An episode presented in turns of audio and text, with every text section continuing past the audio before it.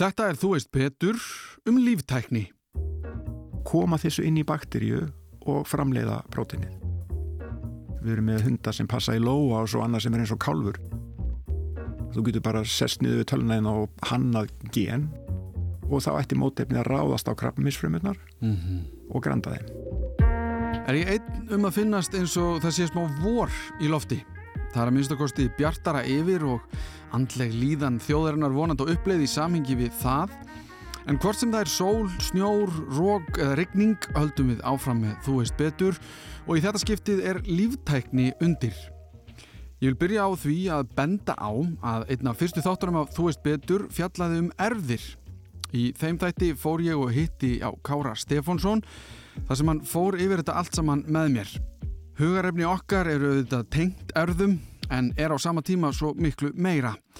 Gestur þáttarins er Eiríkur Steingrímsson sem hefur verið í bransanum lengi, veit meira en flest og ég er ekki frá því að eftir samtal okkar hafi ég verið þokkala sannfæriður um að viðfangsefni þáttarins er nátengt því hvernig við horfum til framtíðar.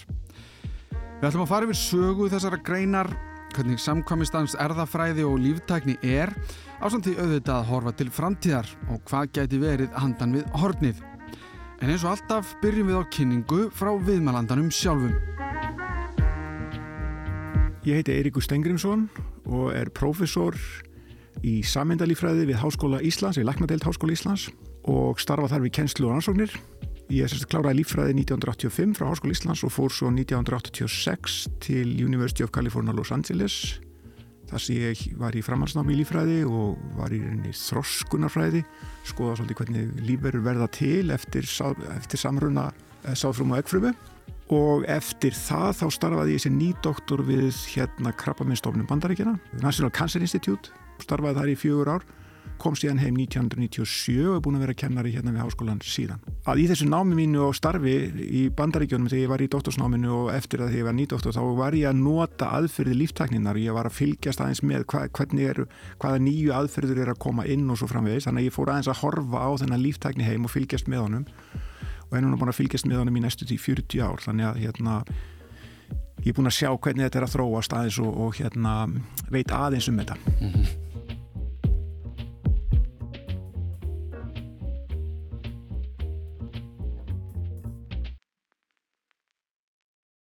Ef þú skoðar hvenar hugtaki bioteknologi kemur fyrst í sögunar þá er það ungvergi sem hétt Karoli Eregi sem setur fram þetta hugtak fyrst og hann gerir það 1919 þá vissum en ekki hvað DNA var mm. eða jú menn vissu hvað DNA var en vissu ekki að það var erðaefnið endilega og sko, Mendel setur fram sínar hugmyndur um erðir 1856 mm. og hann gleimist og er svo endur uppgötvað 1900, 1901 eitthvað svo leiðis og þannig að við erum þarna 19 árum eftir það að hann er endur uppgötaður að tala um biotechnology og þá, þá er hann að hugsa um þetta sem þessi, þessi ungveri þá er hann að hugsa um þetta sem tækni til þess að auka framleiðslu á kjöti, mjölk og öðrum matvælum. Mm. Þeir sem að kenna líftækni í dag, þeir eru alltaf með í rauninni og það er svolítið erfitt að skilgrina sko hvar enda landbúnaðar og hvar byrja líftækni stundum.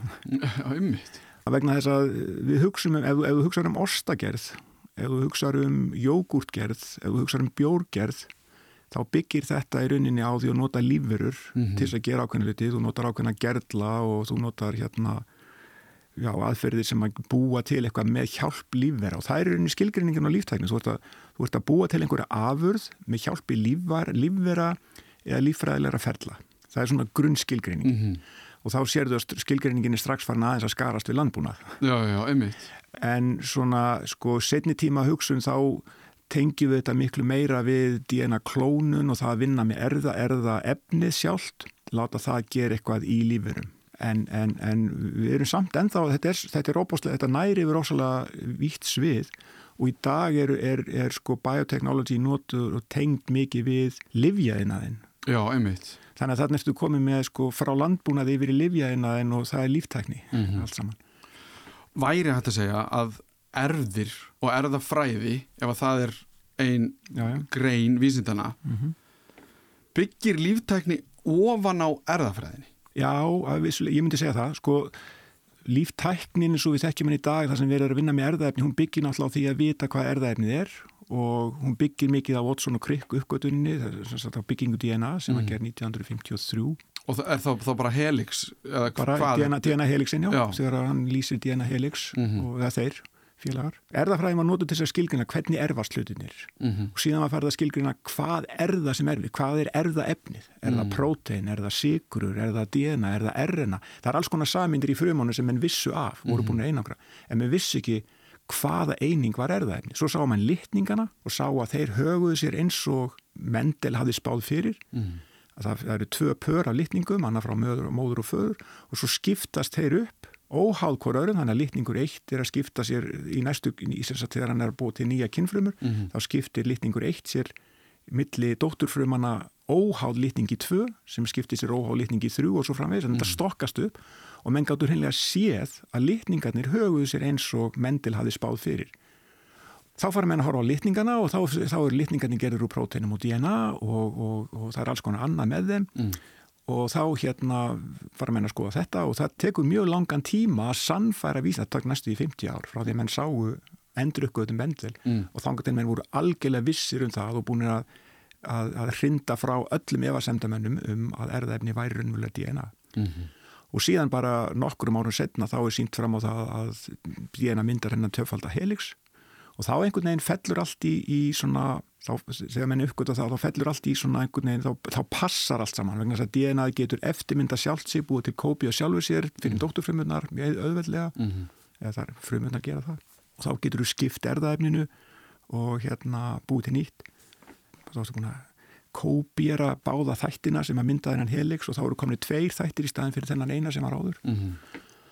Þannig að, og, og, og síðan heldur þessi þróun áfram og menn er að vinna með sko, erðafræðina og DNA samhliða mm. að reyna að skilja hvernig er þessir eigileikar, hvað er það í DNA-inu sem, sem að stjórnar eigileikunum mm. menn er að nota á þessum tíma bakterjur og sveppi og plöndur til þess að rannsaka hlutina og, og náttúrulega tilrunadýr trósofílu melanogaster og, og hérna mís mm -hmm gríðarlega mikil vinna sem byggist allt á erðafræðin en svo er þessi eftir að, eftir að DNA er orðið erðafni þá er það alltaf undirlikjandi þannig að menn vilja fara að vinna með það og skilja það. Ég mann þegar að hérna uh, Watson kom fram með þá hugmynd ég man ekki hvernig nákvæmlega það er 1987 8 mm. að raðgreina allt erðamengi mannsins. Já. Þá þótti það alveg gríðarlega stort og mikið verkefni og menn hefði ábáslega ráðugjur af því að að það myndi hérna taka alla resursa mm -hmm. vísinda í heiminum og svona. Það tók óbáslegan tíma, kostaði mikið en það skilaði alveg óbáslega miklu niðurstöðu og þá allt í nöru komið mynda því hvernig erðamingið í, í, í mannunum lítur út. Og síðan hefur þetta haldið áfram. Það er búið að, meðal annars hérna á Íslandi díkót hefur verið að kortleggja gen sem hafa áhrif á sjúkdóma og svo framvegis, mm -hmm. þannig nú eru að fara að fá óbáslega mynda þessu öllu saman samhliða er lífteknin að vinna með þetta DNA mm. það sem að gerist er að hérna 1972 og 3 þá allt í einu verður til aðferð til þess að klóna DNA til þess að taka litla búta úr þessu erðamengi, hvort sem það er í manninu með öðrum líferum og markvalda það, búa til til dæmis gríðarlega mikið af eitt, eitt af fyrstu genunum sem var klónað í hagnýtingaskili var insulingenið. Þá gáttum við klónað insulingenið úr erðamengi mannsins, fluttað inn í bakterjur og framleitt insulínpróteinið í bakterjum. Mm. Þá ertu komið með insulínprótein sem er framleitt í bakterjur, þannig að þú ert búin að klóna DNA-ið, þú ert búin að koma þið inn í bakterjur og þú ert að framleiða óbúslega mikið af þessu og svo reynsar það úr bakterjum og þá ertu komið liv. Liv. Þannig að þetta er svona, þarna, þetta, sko, svona vinna væri svona í rauninni, ég held að flestir myndu samþykja að þetta væri svona kjarninni líftækninni. Já. Að gera eitthvað svona, framleið eitthvað prótein, framleið eitthvað efni sem er síðan notað sem liv eða, eða hvarvefni í eitthvað, eitthvað niðnaf. Já. Þarna 1972-3 þá bara, þá kemur þrent saman til að leifa þetta og þetta hefur rauninni gjörbilt því bæði hvernig rannsóknir í erðafræði eru unnar en líka hvernig hægt er að framleiða prótein og alls konar, alls konar afurðir í líferum með því að vinna ákviðið og skilgreint með erðaefnið. Hvort sem það eru manni eða músi eða plöntu eða einhverju öðru lífur. Þú getur unni með það, þú getur skoðað, þú getur framleitt próteinið, þú getur framleitt eh, alls konar hluti með því og svo framvegis. Og það er oft bara tilfellið að, að því að þú nefndir 1919 held ég. Já, þá kemur hugtæki fram. Já, það kemur hugtækið en augljóslega tæknin enga meginn til staða þess að... Nei, hann var að hugsa um sko, þessi ungveri, hann var að hugsa um sko tækni til þess að auka landbúnaðarframlislu, mm -hmm. auka framlislu á kjöti og mjölk mm -hmm. og hann vildi meina að það væri hægt að koma með tækni inn í lífræðina, biotechnology og gera þetta saman. Já. Þannig hann byrjar að nota þetta hugtak og síðan, síðan, síðan, er, síðan er þetta að hugsa svona í kringum, síðan fara menn að nota þetta svolítið svona í kringum, kringum bjórgerð, mm -hmm. uh, ostagerð og hlutis, eh, svona jógurtgerð, þá fara menn að hugsa um þetta svona, já við erum í biotechnology, við erum að nota tækni til þess að framleiða einhverja afurð, jógurt, úr mjölk. Uh, en, en síðan hljóta verða svona einhver tækni framfæri sem gera verkum, herðu, nú erum við komin Já, það er í rauninni þessi DNA klónun. Það er, hún sem, að, það er hún sem opnar dittnar og, og hérna já, opna dittnar, hún bara hún sprengir upp. Sprengir upp risastóða dyr þannig að það verða opnast alveg gríðarlegi möguleikar og það far allir að klóra sér í kollinum og, og pæli því hvernig getur við notað þetta? Mm -hmm.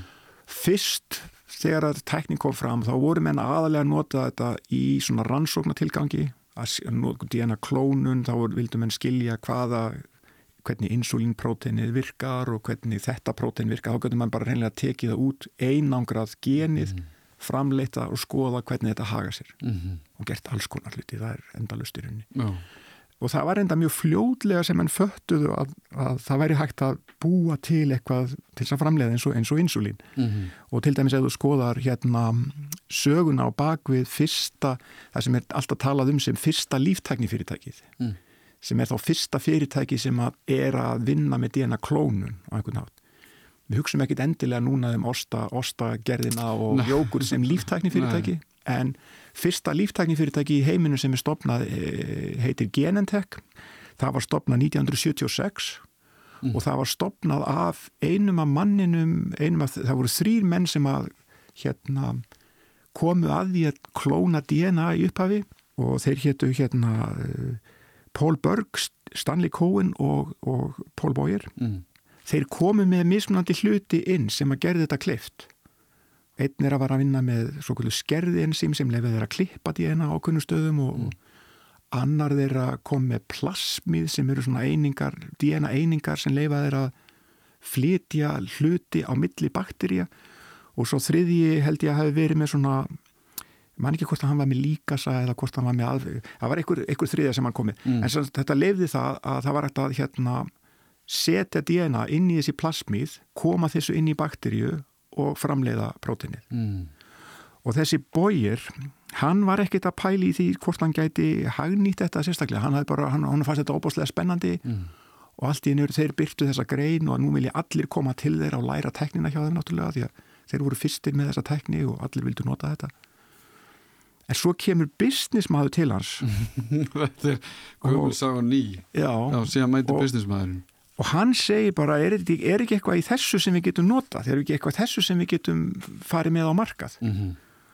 og þeir setja af stað Genentech og byrja að framleiða insulín og, þá fyrstir til þess að framleiða insulín Nei, nei, það, sko, já, með líftækni aðfyrir Á, áður hafði það verið einangrað úr blóði slátudýra þannig að hérna það var hægt að framleiða þannig. Það var búið að vera gerð það í mörg ára en þetta var fyrsta skiptið að svona gast runni einangrað manna insulínið og framleittað í í, á svona stónu skala bara einfaldan átt í bakterju. Mm. Og þeir fara stað og það lifið, ins, fyrsta erðabriðtað insulín, það er samtíkt sem lif 1982 mm. og það er bara hvað, sex árum eftir að fyrirtæki er stofnað. Þannig að þetta gekk mjög vel og þeir voru fljótir, Genetech ógs mjög hratt, mm.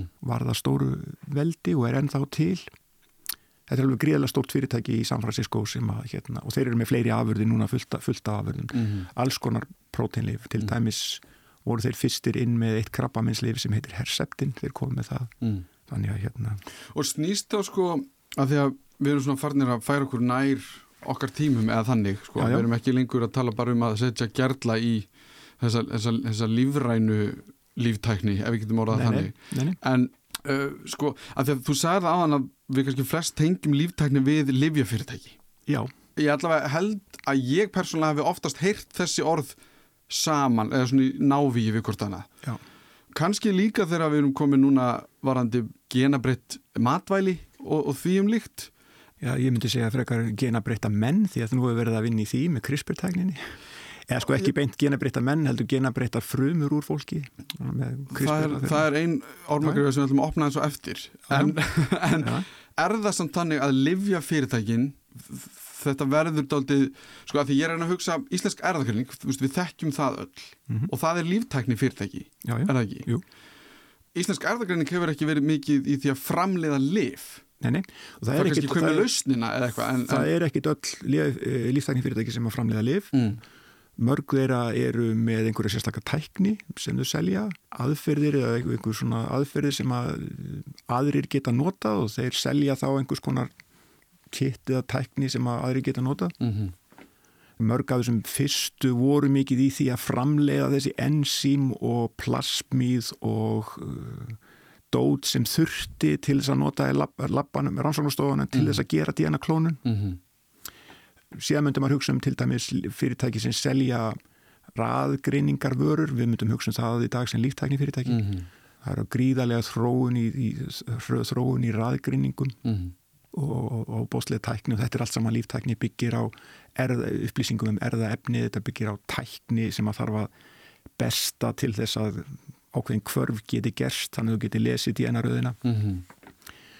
Þannig að það er alls konar líftækni fyrirtæki það er meirist að til líftækni fyrirtæki sem er ekki með neina afurðaðra en kannski forri til að skoða eitthvað hluta erðamengisins mm -hmm. forri til að spá fyrir um það hvar prótein bindast í DNA-inu eða eitthvað slikt sko.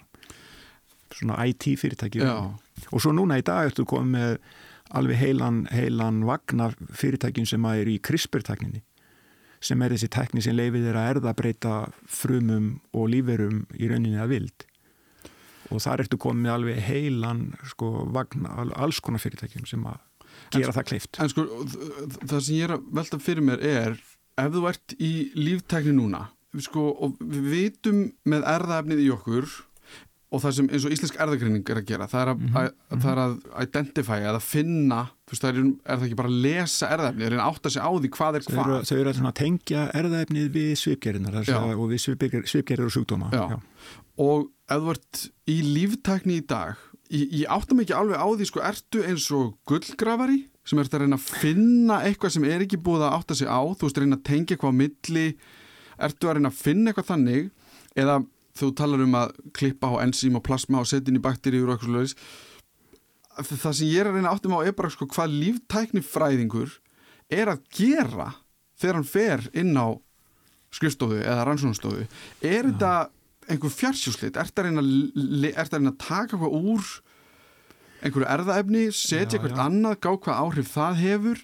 Eða veistu það nú þegar að hverju þú ert að leita og er það gá hvort þú getur endur sko, framkallað upp á nýtt eins og með insulín að setja hérna og gá hvort það heyrðu já, við getum framleitið það þá svona. Já, já það fer náttúrulega það er bara mjög mismunandi væntalega sko eftir því hvað þú ert að gera. Sumir eru að, sumir eru að prófa eitthvað alveg nýtt það er alls konar, alls konar hluti sem hafa komið fram um, á undarförnum áratugum. Til dæmis hérna þessi líftækni lif, bara tökum sem dæmi líftækni lifin sem að virka á gíkt þar eru nokkur líftæknilif sem að virka á, á, á gíkt og þau, þau virka er rinni þannig að það er ákveðin svona samind í líkamannum sem að þessi lif reyna að sópa þessa samind upp og, og rinni komið vekk fyrir hún virki mm. og það er alls konar aðferði sem henn hafa gert til að reyna að sópa upp þessa samind og komið vekk fyrir hún virki mm. það virk, menn vissu ekkit áður en fór að stað að þetta myndi virka mm. og það var ára, mar, margra ára ferli að prófa þetta fyrst í dýrum og svo í mönnum og alls konar á milli mm. þannig að, að þýlitinu til þá, þá er farið út í óbáslega mikla óvissu -hmm. í svona þróun í öðrum tilfellum þá er hérna kannski vissan meiri þegar að menn vita þekkja betur viðkomandi enzím eða prótein eða hvað það er þá kannski er einfaldara ferlið mm -hmm. Ég hef ekki alveg kafa til dæmis onni hversu allt sem að þeir genetek menn þurftu að fara í gegnum til þess að koma insulínin á markað. Mm -hmm. Ég mhm. veit ekki alveg að því að það tekur sex ár hérna samkvæmt. Já, já. En hversu miklar kröður vegna sem menn vissu hvað insulín var. Mm -hmm. En ef þú ert með eitthvað svona nýtt, eitthvað algjörlega nýtt prótein sem þú ert að fara inn í líkamann með til að sópa upp einhvern neikvæðan þátt, mm. þá hefur það aldrei verið gert áður. Nei. þannig að það er, er ofslega mismunandi svona hérna mm -hmm. hvað menn er að fara að gera ef, ef svona einhver líftæknifræðingur fyrir vinnun á mótnana, hann getur sest niður við tölvu og unni við tölvu allan daginn við að greina gögn í erðamengjum við að hanna eitthvað nýtt búa til eitthvað nýtt. Í dag er gríðarlega vaksandi svið innan erðatæknisar sem er eh, protein design, þar sem menn bara búa til ný protein segjum að þú viljið fá prótein sem að brítu niður plast þá getur menn farið og hugsað upp uh, leiði til þess og það eru, það eru nokkri sem hafa gert þetta og það hefur gengið vel þegar maður tekist að búa til prótein sem ger eitthvað svona ákveð mm -hmm. og þá er það gert með svona já, í dag, það, það er gert með miklum svona AI aðferðum mm -hmm. sem verður að nota óbúslega þekkingu sem vitað er um erðaefnið og um prótein til þess að búa til eitthvað nýtt Nú, svo getur líka viðkomandi, svo getur verið einhver annar sem fer bara inn á rannsóknastofu og er að pípa eftir að enzýmum og DNA í einhver glöðs og gera eitthvað ákveðið til þess að koma einhverju, þannig að það er gríðarlega, mm. þetta er alveg gríðarlega breytt svið. Já, en eins og þarna, til dæmis bara eins og að búið til prótein sem að vinnur á plasti, Já. sem myndi halda sér til dæmis eftirsótt prótein. Jú, jú.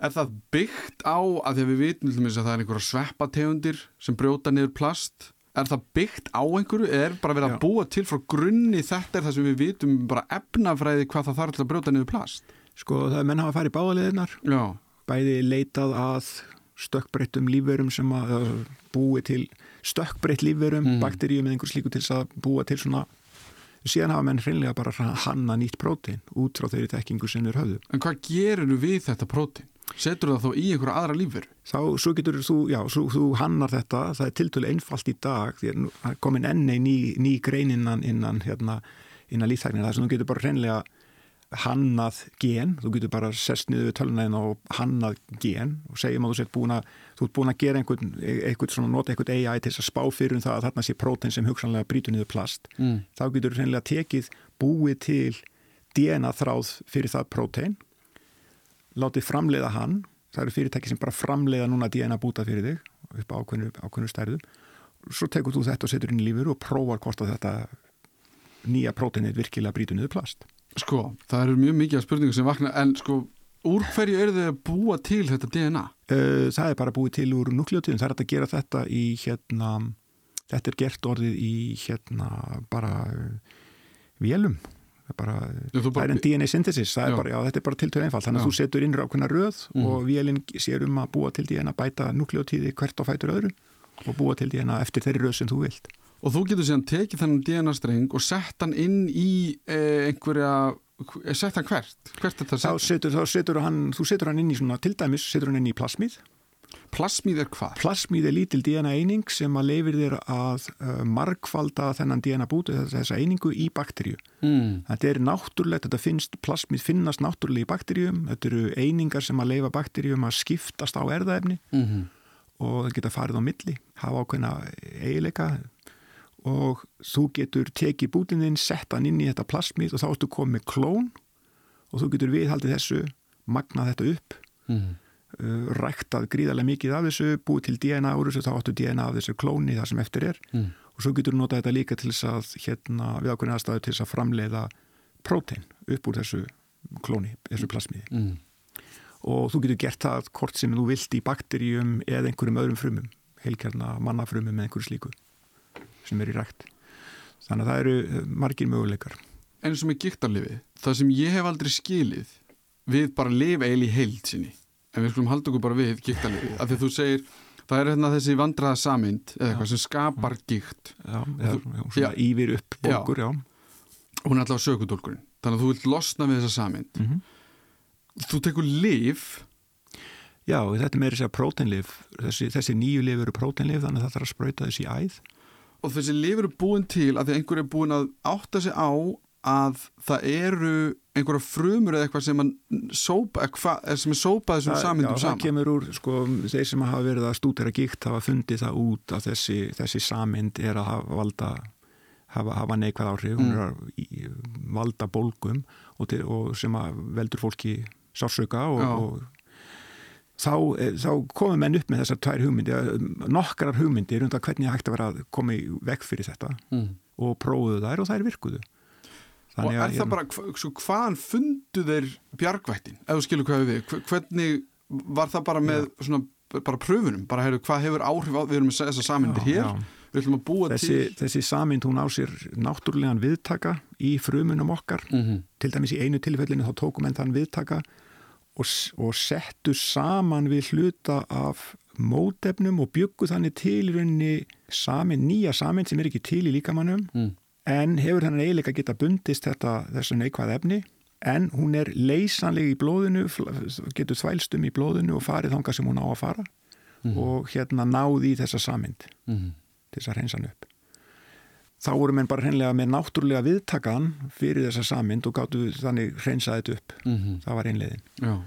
sem er, raun, er það ekki svipað og allt þetta COVID? Í, í hérna COVID þá var notast við svo kvöldu mRNA bóluefni.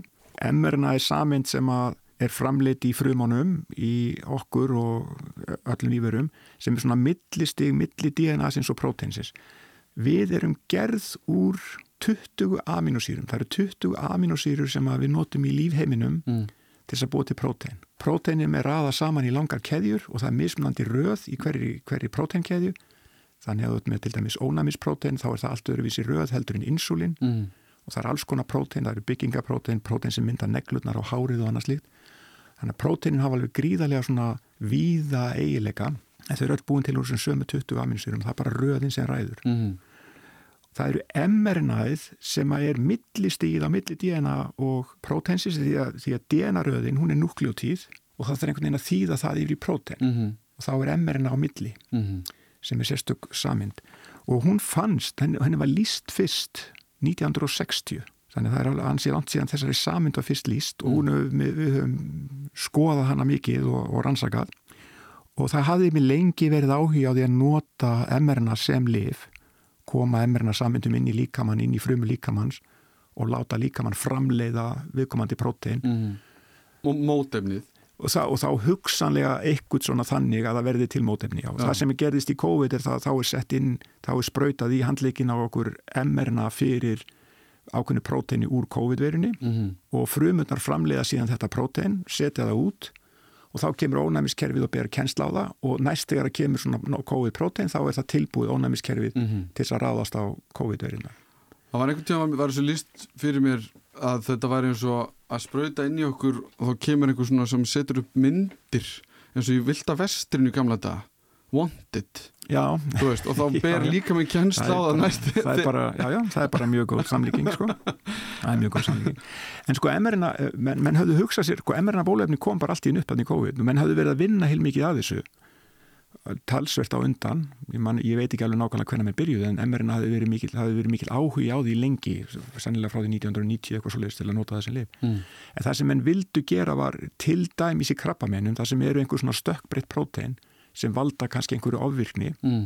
þá vilja menn geta neutralisera það. Og ein leiðin til þess væri að búa til mótefni sérstaklega gegn þessu stökkbreytta próteini. Mm -hmm og þá hafa menn verið að hugsa um, um, um emmerina, þá, þá myndi það sem að, það sem að væri þá, erði þá gert og þetta er það sem menn er að horfa á núna er að raðgreina ægslið úr einstaklingum til að finna stöppbreytingarnar sem eru þar í ægslinu mm. taka síðan þar sem eru stöppbreytingar og búa til nýtt emmerina og setja það í bóluefni og spröyta í handlegin á, á viðkomandi sjúklingi mm. og þá er þetta prótein framlitt í þeim frumum, þá er það til mótefni og þá ætti mótefni að ráðast á krabbaminsfrumunar mm -hmm. og granda þeim. En það er alls konar vandamál í þessu sko og hérna eitt vandamáli, það, það er svo margt sem þarf að koma, til, koma saman. Mm. Þetta er eins og þegar DNA klónun var til, þegar þurfti að koma þrýr hluti saman til þess að verða úr því hérna, DNA klónun. Þarna þarf að koma saman mRNA-ið en það þarf líka að koma mRNA-inu inn í líkamann, inn í frumurnar. Mm og emmerna, frumurnar eru með þessa, með, með himnu utanum sig og það er ekkert hvað sem er sem fer inn í himnunar. Mm. Það er mjög mikið stjórna hvað fer inn og svona stór emmerna samind, hún á ekkert greiða leið inn í frumuna. Þannig að það sem enn kom upp voru svo kvöldu lipid nanoparticles, það sem eru svona litlar bólur, má eiginlega líka þessu við sko bóluna sem myndast þegar hristi saman etikju olju. Mm. Þetta eru svona bólur, það sem er fytu efni utana og svo innan í væri emmernaðið og þá renna bólunar saman við frumu himnuna og hleypa mRNA-inu inn. Já, já, já. Og það er ekkit allar bólur sem gera þetta, þannig að það er að þróa þetta mikið þróun og það er enda þróun í gangi hvað þetta var þar. Mm. Og kannski stærsta vandamálið er að koma þessu inn í frumunar þar sem að krabbameinið er. Í dag hefur þetta tekist mjög vel með hérna, ákveðna frumur, þetta hefur tekist mjög vel með hérna, blóðfrumur ímsar og það er þetta að koma þessu í lifur líka, einhvern veginn tekur lifurinn mjög öðveldlega upp þessi nanoparticles Mm. en ef þú væri með ægsli í öðrum lífærum, í nýra eða einhver starf annar staðar. Er bara eins og í heila, er ekki Heila, já, það er sérstaklandamál sko. en- þannig að bloodbrain barrier en, eitthvað. jú, jú, Já. en svo ertu með bara í, í hérna, lifurinn, þetta gengur í lifurina hugsanlega Mm. og er, er sína mjög góðan árangur í mörgum tilfellum en ef þú ætlar að koma sér inn í nýrun eða, eða lungun eða, eða brjóstakrabba meinið eitthvað slíkt þá er þetta miklu erfiðra vegna þú ert að targetera þetta í frumurna sem eru með æxlið Mm og það hefur hérna í mörgum tilfellum þar til þess og það er þess ekki alltaf en mörgum tilfellum þar til þess Þannig að þetta er einhvers konar, þú veist, þetta er bara svona dæmið um líftæknina hvernig já. hún virkar og ég meina, ég gerir þá ráð fyrir því að eins og þessar rannsóknir okkar á krabbameinum og, og hvað við, hvernig við tæklum krabbamein, sé rosa mikið í líftækni. Já, já, það er, það er alveg líkilatrið í líftækninni svo eru aðri sjúkdóma líkar Mm. það er eiginlega allir sjúkdómar undir sko. Já. En hvað þá með, ef við förum frá livja bransanum, já. CRISPR, já, hvað eru við að tala um þar? Af því að þetta hljóma náttúrulega eins og vísindaskálskapur, en, en, Já, já. en ég átta mikið heldur á því sko hvort að við erum að hanna okkar einn börn, skilur mig, eða hvort þetta sé, nei, nei, við erum ekki, það, við erum ekki þar sko. það var endar einhver kínversku vísindamaður sem, sem að segist hafa breytt ákveðnu geni í týpurum það kom út fyrir einhverjum 6 árum síðan. Mm. en það hefur nú aldrei verið staðfest og sá vísindamaður lendi í miklu vandræðum og er held ég bara í stofufangilsi í Kína. Ok, allavega eftir því sem ég best veit. En við erum ekki að tala um það að breyta hanna börn en eitt svolítið við erum að tala um hugsanlega leiði til þess að samt að erðabreyta ákveðnum erðagöllum mm. í ákveðnum tilfellum og menn er, að, menn er að gera þetta núna. Það hefur verið gert fyrsta klinikal træjalið með CRISPR aðferðinni og verist það að tekist bara ágætlega. Að því við höfum talað um íslenska erðagreiningu og það er talað um brakkagenið, þú veist, snýrist þetta einhvern veginn um Þetta snýrist um, sko, já, þetta snýrist um að leiðrétta, þetta snýrist um að leiðrétta ákveð, að leiðrétta ákveðin genagalla og þá, þá var gert í livrafrumum í þessu tilfelli að því þær taka upp þessi nanopartikurs Mhm. og það tókst og ég bara reynlega man ekki alveg nákvæmlega hvaða gen var um að ræða en hérna las frétta tilkynningar um þetta um daginn bara og þetta, er, þetta var gert í Breitlandi í fyrsta tilfelli. og þetta er þá í fullorðnu fólki þetta er ekki, Já, já, fullan fólki. Já. þannig að þú getur breytt Já, í þessu tilfelli held þetta hafi verið ákveðið ensím sem þeir breyttu já, þannig að ensími var núna annarkvort funksjónal eða dysfunksjónal, ég man ekki alveg hvort og fá, þá, þá, þá þurfi ekki allar frumunar í lífrinni að gera þetta það er nóg að, að það sé eitthvað einhver Mhm. framleysla. en hvað með þá erum við að fara að segja erðabreytt matvæli eða sem sagt, við erum okkur alltaf að fjölga við þurfum alltaf meira og meira mat og Já, og það sem er kannski að gerast núna í landbúnaðinum er náttúrulega það er að breyta svo lofslægið að plöntur sem að uksu vel og hendaði vel að lifa í söður, söður hérna Evrópu eru kannski það er kannski orðið og heitt fyrir þær þar þannig að þær eru að færast norður. Við sjáum þetta í vínræktuninni þar sem er eigileikar vínsins í borgundi er að breytast vegna aukins hita. Við sjáum aukna þurka í víðaum heim, Afríku og annar stað mm. og þá þurfum við kannski að, að geta breytt erðaefni plantuna til þess að breyðast við þessu. Mm. og þar kemur CRISPR-tækni náttúrulega mjög sterkinn DNA er náttúrulega röð af þessum nýturbörsum og ef einhver eitt staður þú getur breytt einu eh, einum stað, þetta er eins og, eins og editera símaskrána Mhm. með því að breyta einu til dæmis íinu í mínu nafni Eiríkur í, eða, e, eða væri e og þú myndir breyta því í, Mm. í, í, í, í, í símaskráni allir sko. þetta er svona sambarlegt við það Mm -hmm. þú getur farið inn og gett svona precision editing Mm -hmm. editera það mjög nákvæmlega þar sem þú vilt og ef ef þú getur farið inn og gert slíkt og búið til þorkþulnari plöntu e, þá ertu náttúrulega búin að hafa mikil áhrif að þá, þá, get, þá er þetta að rækta þessa plöntu í, í þurki og hún lifi lengur og, og það er þetta að framleiða hérna viðkomandi vöru á þeim stað Mhm.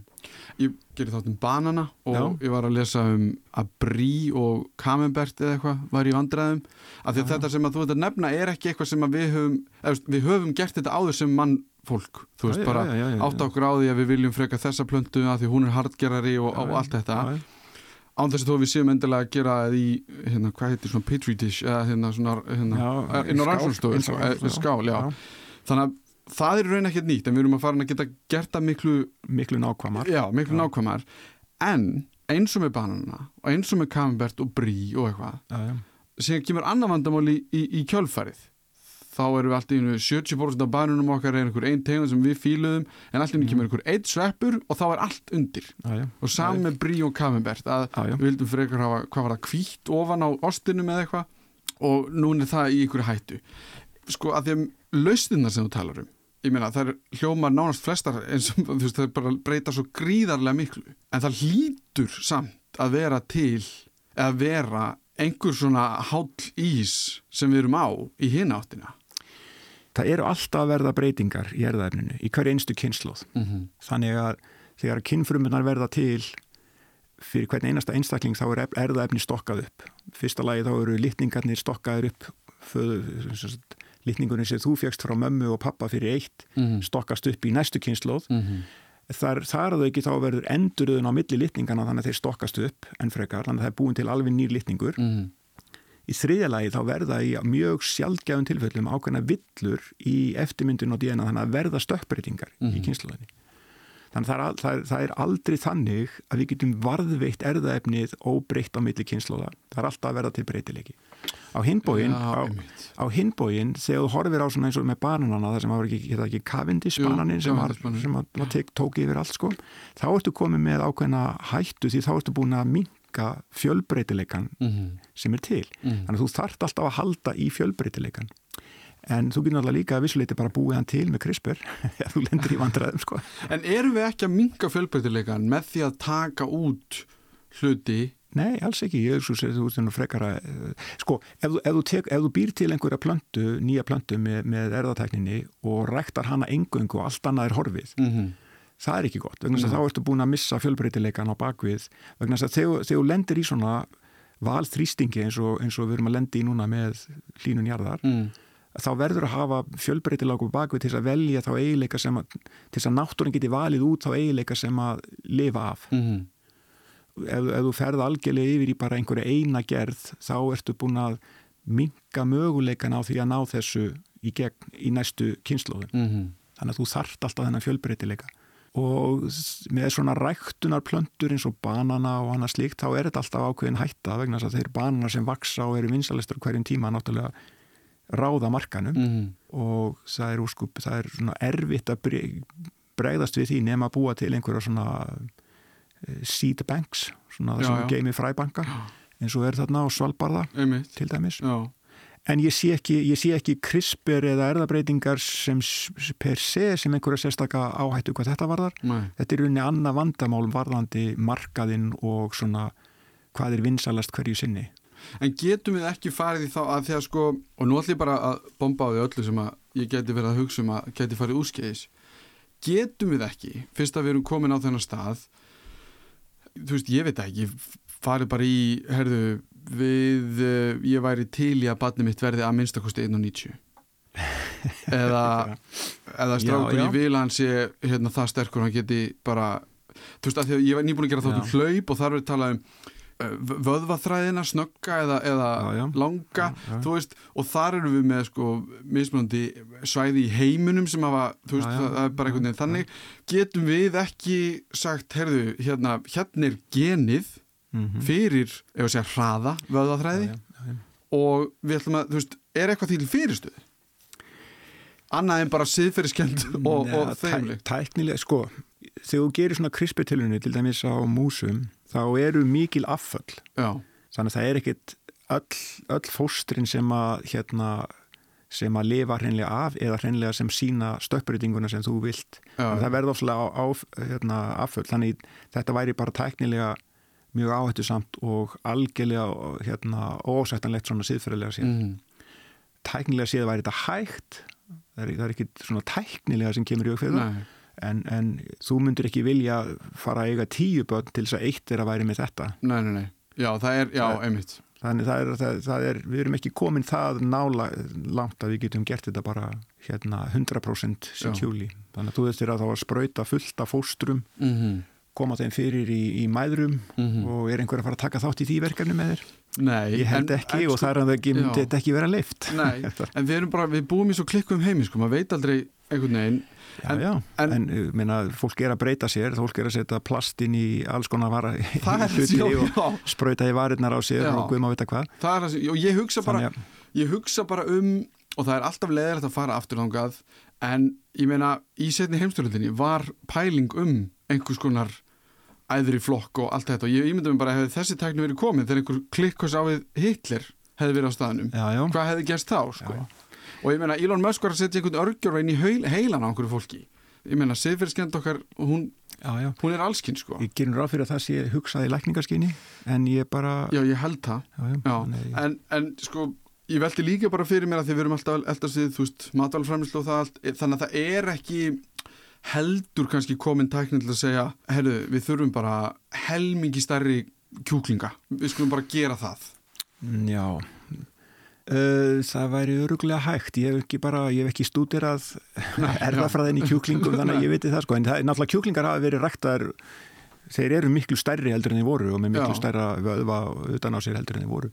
Þannig að það hefur bara verið gert með bara ægslunum, já, bara ægslunum og valið ræktun þannig að við náðum, ef þú skoðar hunda þá, eru hundurinn allt sama tegundinn en, en við erum með hundar sem passa í lóa og svo annað sem er eins og kálfur mm -hmm. og allt annað útlitt á hegðun Þannig að við getum þetta alveg með vali að tekur bara lengri tíma. Þannig að nú erum við kannski komið með aðferð til að gera þetta miklu nákvæmar við getum haft áhrif á ákveðin tiltekinn gen og stjórna þessu mjög nákvæmlega mm -hmm.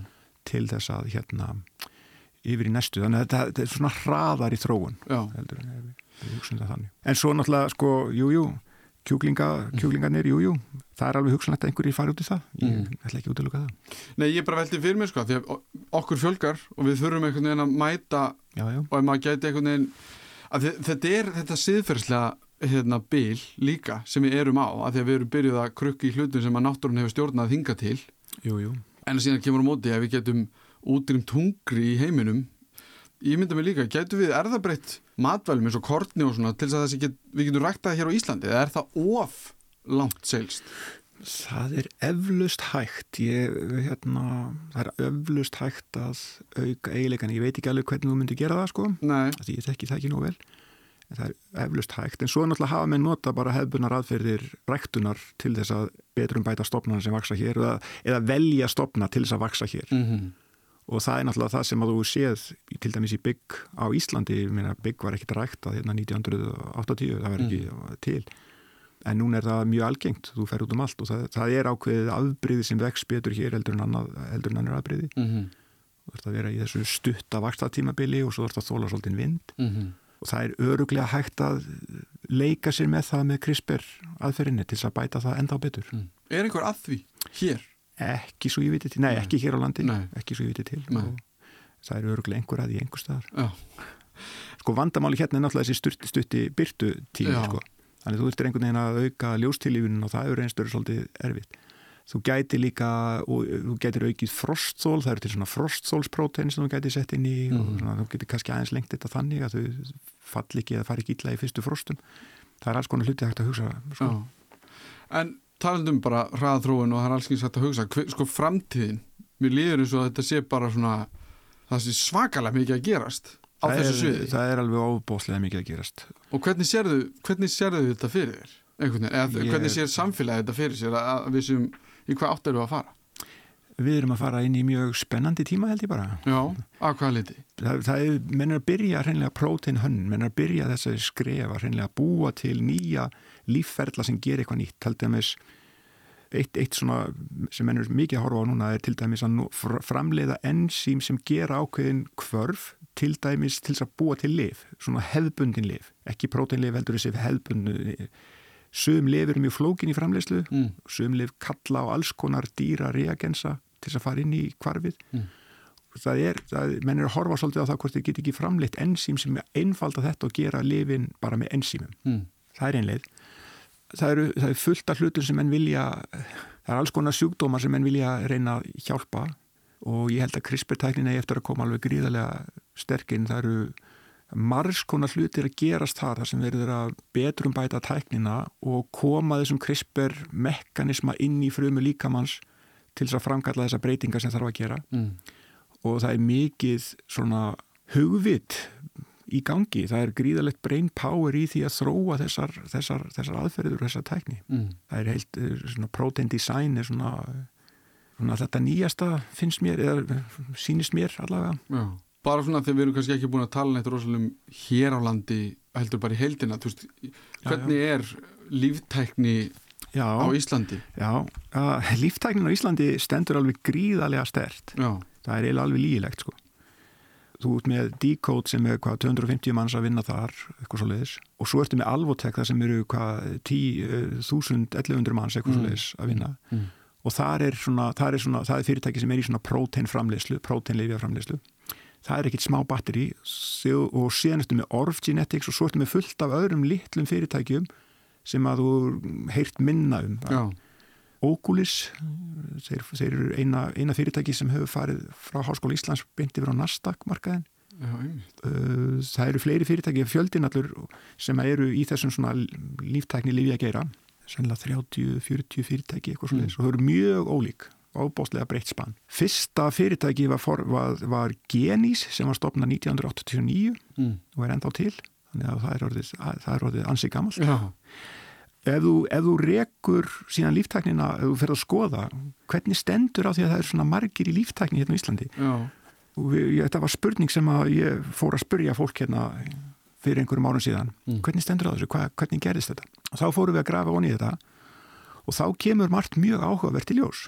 Og það, eitt, eitt af því áhugaverðar að mínumatti er það að það var prófessor við Háskóla Íslands sem var mjög góður vinur Hörb Bóir sem startaði, stopnaði Genentech fyrirtækið. Mm. Þeir höfðu verið saman í doktorsnámi Yale 1964-65 eitthvað svo leiðis mm. og voru mjög góði kunningar. Svo flyttur Guðmundur til Íslands og byrjar að kenna hérna í lífræðinni. Guðmundur er þá þessi prófessor? Guðmundur Eggesson heitir já. hann, já. Já, ég var ekki búin að segja það. Guðmundur Eggesson heitir hann, var þá prófessor í erðafræðinni, var fyrsti prófessorinn í erðafræðinni í lífræðiskor. Mm. Hann var að vinna, hann var að vinna, hann var mjög aktífur í rannsóknum Guðmundur, svona grunnrannsóknum. Mm. Og hann var að vinna við að skilgreina ferlið hvernig prótein eru búin til af mRNA-inu, þessu milliefni mm -hmm. og að mikið að spekulur í þessu og hérna var að skoða mekanisman og það sem hann rannsakaði aðalega voru fyrirbæri sem heita tRNA suppressors og ég ætla ekki að útskýra hvað það er okay, okay. það, það hérna við læriðum mikið um þetta hérna í gamla dag í lífræðin en ég er ekki við sem að sé kent mikið um það í dag vegna þess að þetta er, orðið, þetta er svona svolítið gammaldags og hérna er svona partur af sögunum það hvernig við læriðum, hvernig við skildum hvernig prótin er búin til, mm. en hann var mikið að skoða þetta og á okkurnu tíma þá vildi hann geta klónað DNA-ið sem að klónað þessa, þetta DNA sem hann var að vinna með þessar þessa einingar sem hann var að vinna með mm. og skoða hvað er að breyta, hvað er öðruvísi hvað er að gerast hérna þannig hann fer til bóir 1977 til 8 Genentech var stopnað, stopnað 76 þannig hann er þarna bara rétt eftir að Genentech er stopnað mm. kemur þarna inn í hringiðuna það sem allir er að klóna það sem, að, það sem að, hérna, Hörbói er nýbúin að klóna insulín, hann er að stopna fyrirtæki, mm. það er allt á fullu í þessu, þetta er alveg splungun í tækni í dag, mm. eða á þeim tíma -hmm. Hann fer þann inn og lærir þetta er þarna í heilt ár, kemur síðan heim með þetta 1978 þá var ég átjönara, mm. ekki byrjar í háskólanum -hmm svo kem ég þarna inn í háskólan 81 og maður byrjar að heyra af þessu að það sé hérna maður út í þetta verður á grensásvegi 12 hérna inn á í einhverju mjög svona gömlu óhræsilegu húsi mm -hmm. Þar sem hann var með rannsóknarstofuna. En þarna var hann að kenna fullta nefendum um DNA klónun. Hann kemur með þetta bara mjög snemma 78, mm. þá var þetta komið hérna heim. Fullta fólki sem fær svona rosalega áhuga á þessu kveikir í fólki, fær í frekara ná mann það verður allt ínu bara til þekking, fullt af fólki með mm. þessa þekkingu. Það var annan náðungi sem var einna fyrstu nefndum guðmundar í lífræðin á sínum tíma, fór síðan Erlendis í doktorsnám og vann svo hjá manni í Hetinborg sem hétt hérna, Murray, Ken Murray og sá startaði öðru líftækni fyrirtæki í heiminum, Biogen, sem Já. var startað 1978. Þannig að Ólafur, þessi maður heitir Ólafur Andrisson mm. og hann var líka professor í háskólanum og tók við að guðmundi á sín tíma Þannig að við eigum tvo hérna íslendingar sem voru hjá voru í og kringum mm. upphafið á þessum fyrirtækjum Genentech og Biogen mm -hmm. Koma heim með þessa þekkingu og með þennan svona eldmóð og áhuga og þeir sá fræjum í huga földa fólks. Og ég man bara þegar maður kom þarna og strákur ofanur árbænum sko að heyri byrjum, heyrum DNA klónun þetta, þetta kvikti einhverja einhver áhuga. Mm -hmm. og, og, og eld sem hefur ekkert slökna síðan sko. Þannig ég held að þetta sé að sko það, þú þarf þrent til að starta svona biotech industry, þú, þú þarfst að hafa hugmyndir, þú þarfst að hafa fólk og þú þarfst að hafa peninga. Mm -hmm.